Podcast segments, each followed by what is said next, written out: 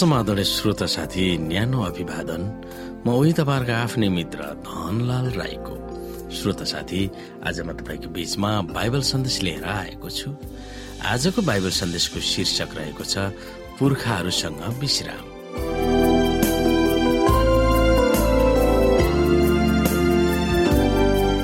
श्रोता साथी मृत्युको बारेमा तपाईँलाई भएको ज्ञानलाई हामीलाई विभिन्न पदहरूले कसरी पूरा गर्दछन् अथवा थप्दछन् हामी यहाँ हेर्न सक्छौ। पुरा उमेर पुगेर एक सौ पचहत्तर वर्षका हुँदा अब्राहम मरे। उत्पत्ति पच्चिस अध्यायको सात र आठमा भनिएको छ जब तिमी दाउद मरेर तिम्रो पुर्खाहरूसित गाडिने छौ तिम्रो एउटा छोरालाई राजा बनाउने छु र त्यसको राज्यलाई शक्तिशाली बनाउने छु। यसै गरी दाउद मरे र दाउदको सहरमा गाडिए। अब्राहम राजा मरे उनको लास सामरियामा लगेर गाडियो। मृत्यु र गाडिने मामिलामा पुरानो करारले विभिन्न धारणाहरू व्यक्त गर्दछन्। एउटा त मरेपछि आफ्नै मानिसहरू कहाँ जम्मा हुन्छन् भनेर उल्लेख गरिएको छ। अब्राहमको बारेमा हामीलाई यो भनिएको छ असल बुढेसकालमा अब्राहमले आफ्नो अन्तिम सास फेरेर मरे। उनी वृद्ध भएर पुरा वर्षहरूसम्म बाँचेका थिए। अनि उनी आफ्ना जनहरूसँग जम्मा भए। उत्पत्ति पच्चिस अध्यायका आठमा नेपाली बाइबलमा केवल पुरा उमेर पुगेर एक सौ पचहत्तर वर्षका हुँदा अब्राहम मरे भनेर उल्लेख गरिएको छ। अरू अङ्ग्रेजी बाइबलहरूमा त्यस पदमा उनको उमेर तोकिएको छैन। हारुन र मोसा पनि तिनीहरूको जनहरू वा पुर्खाहरूसँग जम्मा भए भनेर व्यवस्था बत्तीस अध्यायको पच्चिसमा उल्लेख गरिएको छ।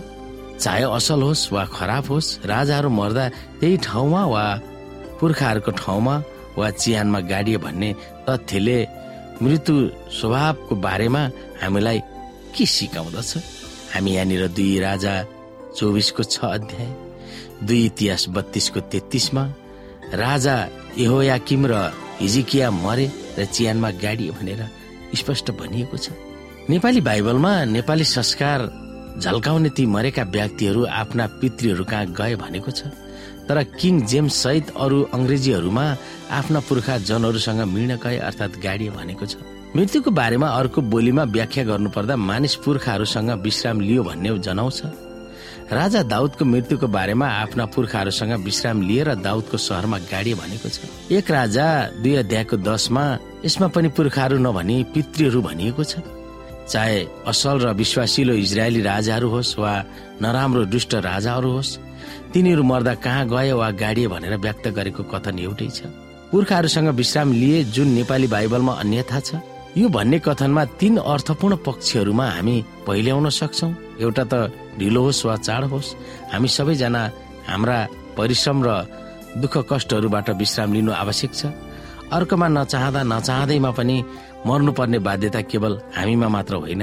हामीभन्दा अघिका मानिसहरू वा पुर्खाहरूले पनि त्यही बाटो अँगाल्न बाध्य भएका थिए। तेस्रो धारणा चाहिँ पुर्खाहरूसँग गाडिन्दा मृत्युको अचेत अवस्थामा पनि हामी एक्लो छैनौँ बरु सँगै छौँ भनेर बुझाउँछ। यो तर्क कतिपय धर्मले र मलाई कोही चाहिँदैन भन्ने व्यक्तित्ववादसँग मेल नखान सक्छ तर पौराणिक समय पुर्खाहरू गाडिएकै ठाउँमा गाडिनु अर्थपूर्ण थियो। ख्रिसमा मर्नेहरू चिहानमा आफ्ना प्रियजनहरूको नजिक गाडिएको भए तापनि तिनीहरूको बीचमा कुनै आपसी सम्पर्क हुँदैन। तिनीहरू अचेत अवस्थामै सुतिरहेका हुन्छन्। जब यसुको दोस्रो आगमन हुन्छ तब स्वर्गदूतहरूका तुराईहरूका आवाजले तिनीहरूलाई गहिरो निन्द्राबाट जगाउने छन् र आफ्ना प्रियजनहरूसँग सामेल हुनेछन्।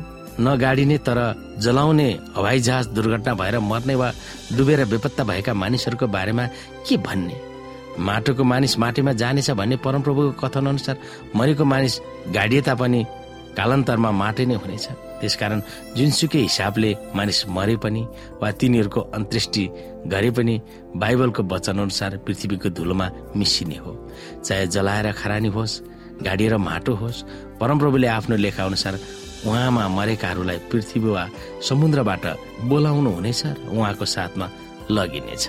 अन्तिम श्रोता यो कल्पना हामी गर्न सक्छौँ। मरेकाहरू कुनै न कुनै किसिमले स्वर्ग र जहाँ भए तापनि चेतना अवस्थामा छ र विशेष गरेर आफ्ना प्रियजनहरूसँग यस संसारमा दुःख कष्ट र पीडा भइरहेका छन् र मरेपछि नर्कको आगोमा भतभती पोलिरहेका छन् भनेर ती स्वर्गमा भएका मानिसहरूले देखिरहेका छन्। के तिनीहरूको लागि त्यो स्वर्ग स्वर्ग होला त? मरेकाहरू सुतिरहेका छन् भन्ने बाइबलले सिकाएको सत्य धारणा हामी बाँचिरहेकाहरूको निम्ति किन सान्त्वनामय छ? त्यो विषयमा हामी सोच्न सक्दछौँ।